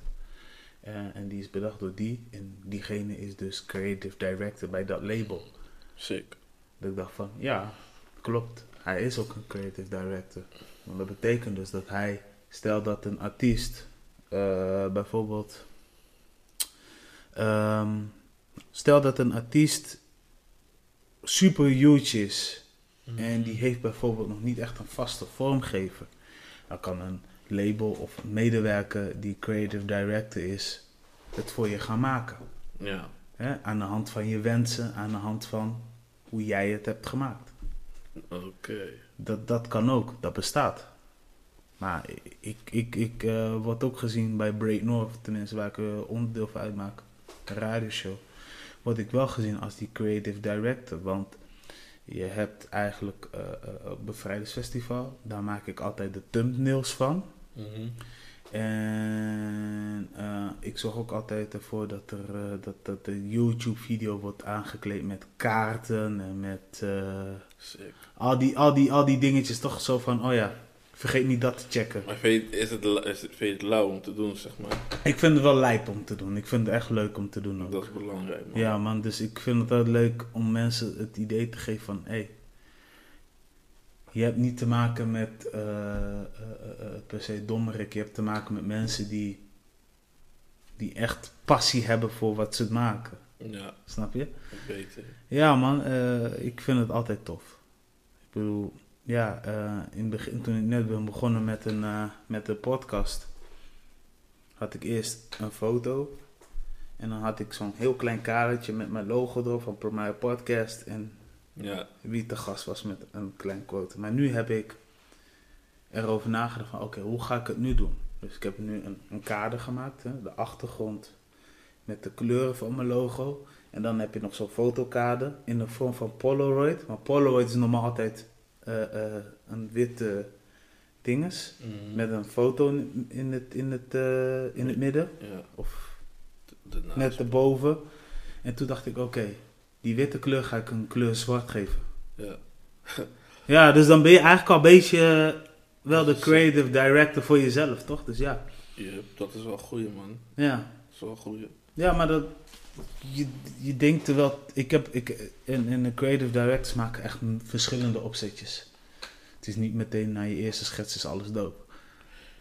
Dat is zeker waar, ja. Dat is eh, zeker waar. Had ik Dat, zo ken ik het, hoor. Maar ja, goed, het zal wel dat ik mis zit, maar... Who knows? Ja, Who knows? ik denk dat je goed zit. ja, ja. Ja, man. Ja, ja goed. eh, ja, man. Eh, laten we even verder gaan in het gesprek. We hebben het gehad over wie je bent. We hebben het gehad over je muziek. We hebben het gehad over entrepreneur. En toen hebben we allemaal van die subvragen gehad. Mhm. Ehm, een stukje over je movie. Eh, je hebt aangegeven dat je liever ook alleen maar in de muziek wil storten. ja. But, what is next? Zeg maar. Wat bedoel je? Ja, want er komt nu twee EP's aan. Ja, ja. Eh, even voor de mensen thuis. Ehm, wat voor sound heeft jouw muziek? Normaal zou ik dit vanaf het begin Zal ik vragen. ook gewoon leaken nu? Nee, maar wel, wel, welke, welke richting gaat het eigenlijk op? Is het, is het eh, Dat is nou het leuke voor mij als artiest. Sinds mijn eerste tape maak ik, heb ik echt futuristic sounds, maar ook oldschool. Er doorheen af en toe. Drie, twee tracks misschien, misschien Ja. één soms. Maar ik maak altijd muziek. Maar je, en toen kwam mijn, door mijn mixtape is het nog leuker geworden. Mensen weten niet wat er aankomt. Als je naar Spotify gaat, nu hoor je zie je mijn mixtape. Dan hoor je een urban track, hoor je een oldschool track, hoor je een future jazz track, hoor je... Je hoort van alles. Dus nu hebben ze die twee singles gehad. Dus een commerciële single-achtig en een oldschool track. ja. Dat me, want dan weten ook niet wat mensen eraan gaan komen. Maar wat je op de EP kan verwachten... is wel een beetje de sound van 2018. Omdat die EP ook gemaakt is in 2018. Is een beetje gewoon die... eh, eigenlijk tijdloze sound sowieso. Maar gewoon... eh, niet trap, ik zou het niet trap noemen. Maar het is wel... Je hebt die trap snares en die ritme zeg maar. Dat kan je verwachten. ja. Heel veel bars, sowieso. Bar after bar, altijd. Maar je bent gewoon een rapper. Ja, Ja. ja. Ook Ja. zangen niet, maar als het moet, dan komt het er wel op aan. Maar dat vind ik nou leuk. Maar op de volgende EP, FITW, daar ga je echt muziek horen. Daar ga je geen boom bap meer horen. Daar ga je geen trap horen. Je gaat echt sounds from another planet horen. En die tracks die liggen er vier, drie jaar zijn van producers uit LA, Nederland. En sommige moeten nog gemaakt worden. Maar het is wel gewoon van tijdloze sound. En heel veel structuur, heel veel simp- simpelheid. En je kan jezelf erin terugvinden. Ook in deze EP. Dat doe ik altijd gewoon met muziek. Ik maak muziek zodat je jezelf in één van die tracks terug kan vinden. Net als mijn single 50-50. ehm, die staat ook op de EP. Dat gaat over business. Gewoon wat ik heb meegemaakt. Daar spijs ik hem gewoon. Daar ga ik gewoon helemaal hem. Je weet toch? En eh, daar vertel ik mijn verhaal gewoon van waarom ik niet 50-50 ga met sommige mensen. Ja. Uit mijn ervaring. Dus met so- sommige mensen wil ik dat wel doen. Die, daar zijn ook gewoon mensen die ik ken Die waarmee ik het 100% ga doen. Maar er zijn heel veel mensen die ik ben tegengekomen waarmee ik dacht van, met jou weet ik niet of ik zakenpartner ga worden. Want mijn gevoel zegt dat gewoon. Right. En ehm, ja, track 1, dat heet The Shrine. Dat Ja. is dan de tempel. Eh, die tempel had ik gezien uit een... Ik keek een film, een documentaire over de Egyptische... eh hoe heet dat nou? De Egyptische eh, farao's. Die hadden allemaal mensen onder hun. Je had bepaalde stammen.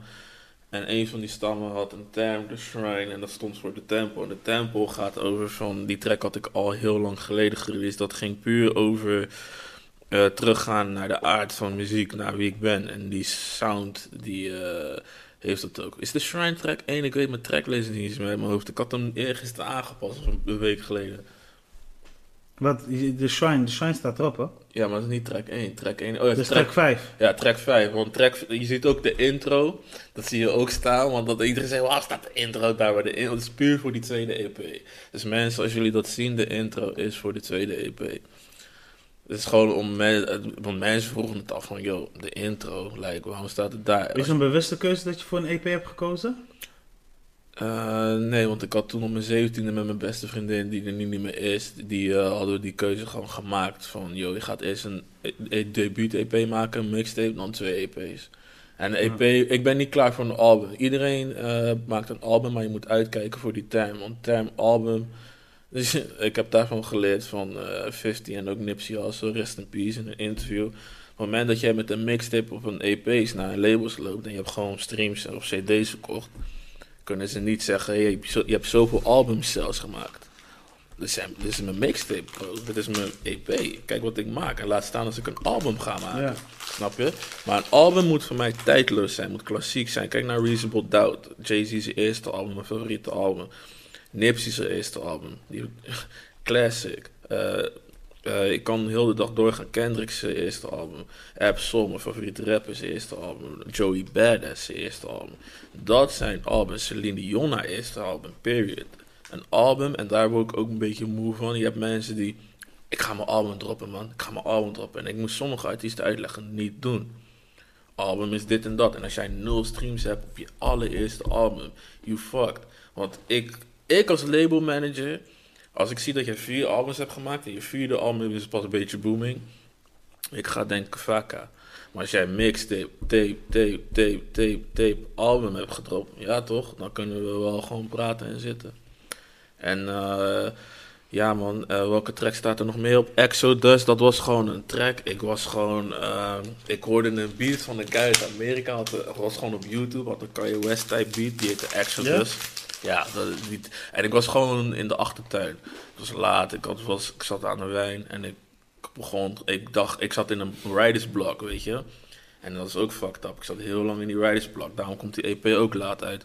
Dus ik was eruit gekomen door die track. Ik ging gewoon over Exodus en toen ging ik opzoeken van wat er voor het stond. En het heeft een christelijke term. En een, eh, voor Joden betekent het ook wat anders. Dus Ja. daar kwam ik achteraf pas achter. En eh, ik heb heel veel tracks opgenomen die niet hierop staan, zeg maar. En dat, die ga ik gewoon als singles droppen. Maar wat je hier gaat verwachten, what's next, is sowieso deze EP. Dan ga je heel veel featurings van mij verwachten. Uit Canada, Amerika.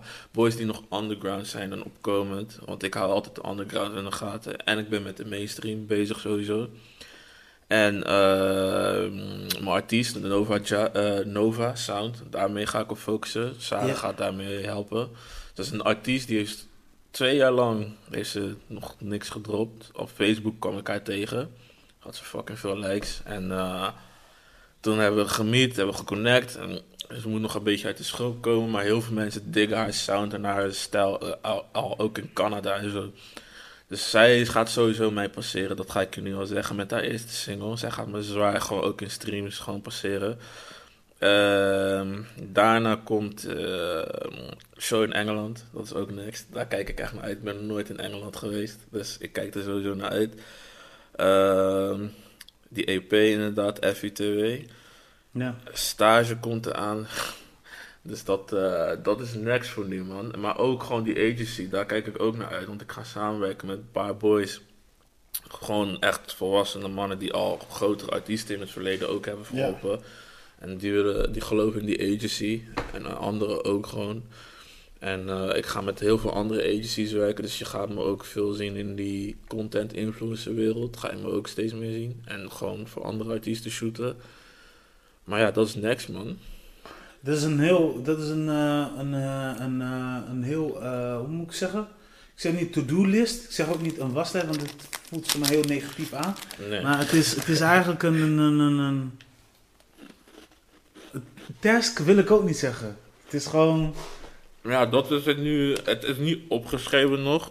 Maar wat is opgeschreven, wat next is, is ehm, Nova Ja sowieso. Of Nova Sound, sorry. ja. Ehm, mijn EP's, ehm, die agency. Dat staat gewoon op papier. Dat Ah, Oké, nou ja, het staat op papier, maar ik bedoel meer te zeggen van, wauw, je hebt, er gaan heel veel leuke dingen komen.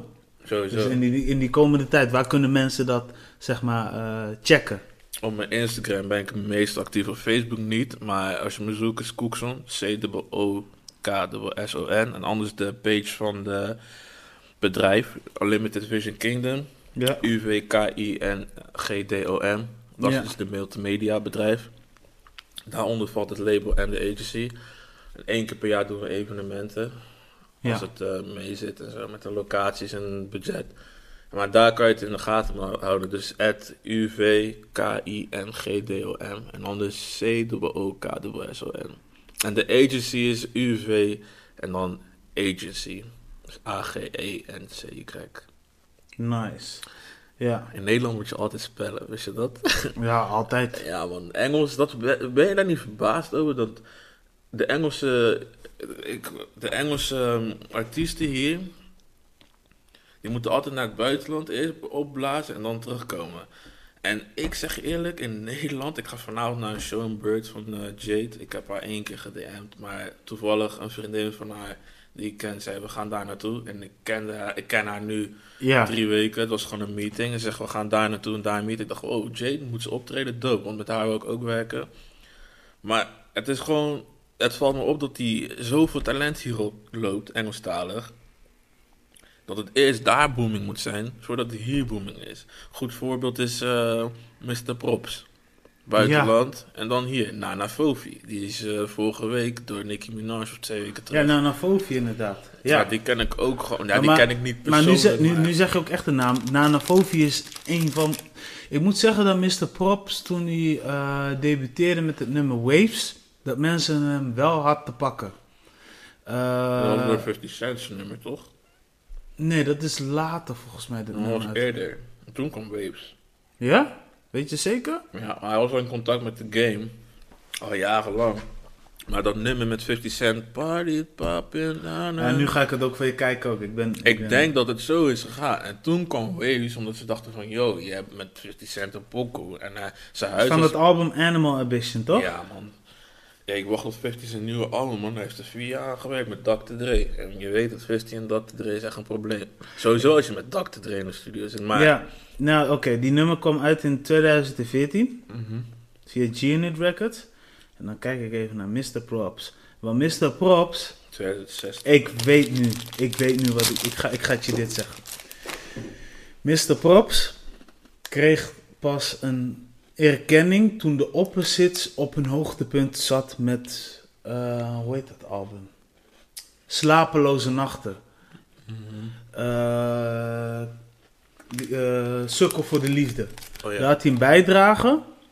En op een gegeven moment, ehm, op een gegeven moment, volgens mij een jaar later of een half jaar later, ging hij een single doen live bij Giel.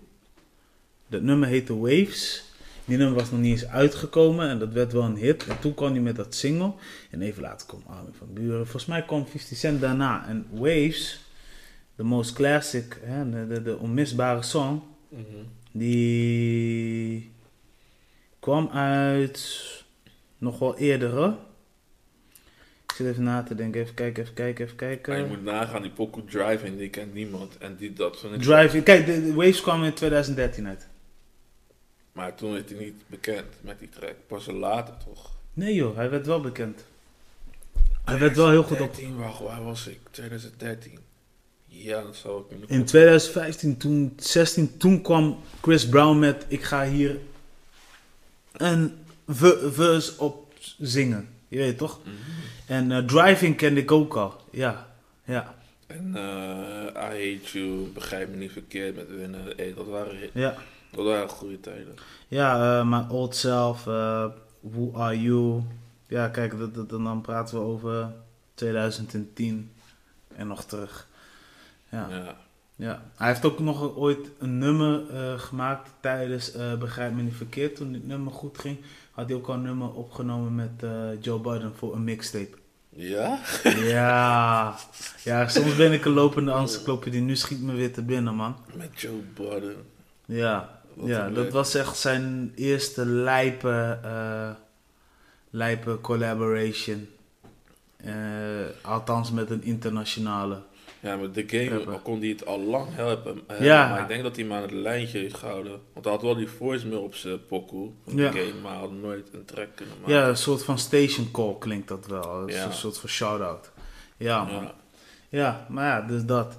Ja, man. eh Cookson. Yes. Ja, man. We zijn nu aan het einde gekomen. Ah, man. ja. Ja, we kunnen doorpraten, dat merk ik bij je. We- Ja, we- hadden- daarvoor hadden we ook al een uur eh, gezeten, hè? Ja, sowieso. Ik denk anderhalf uur. Sowieso. Ja, man. Eh, ja, voor de rest. zijn real. Ja, man. Shout-out, ik mag shout-outs geven. Altijd. Oké, ik heb een hele... Nee, ik heb eh, een paar shout-outs voor Rockstar Clothing. Rockstar, het eh, original. Ah. Ehm, is een uh, bank partners mee. En eh, ja man, stay tuned voor de EP.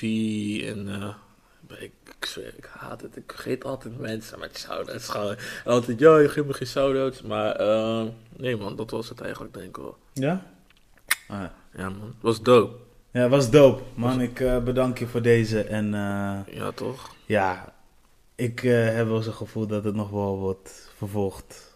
Ergens. Ja, we, we, sowieso. we hope so. We hope so, toch? Ja toch? Ja, man. Thank you man. Shout out. Rustig. Thank you. Ai. Voor mijn podcast. Peace!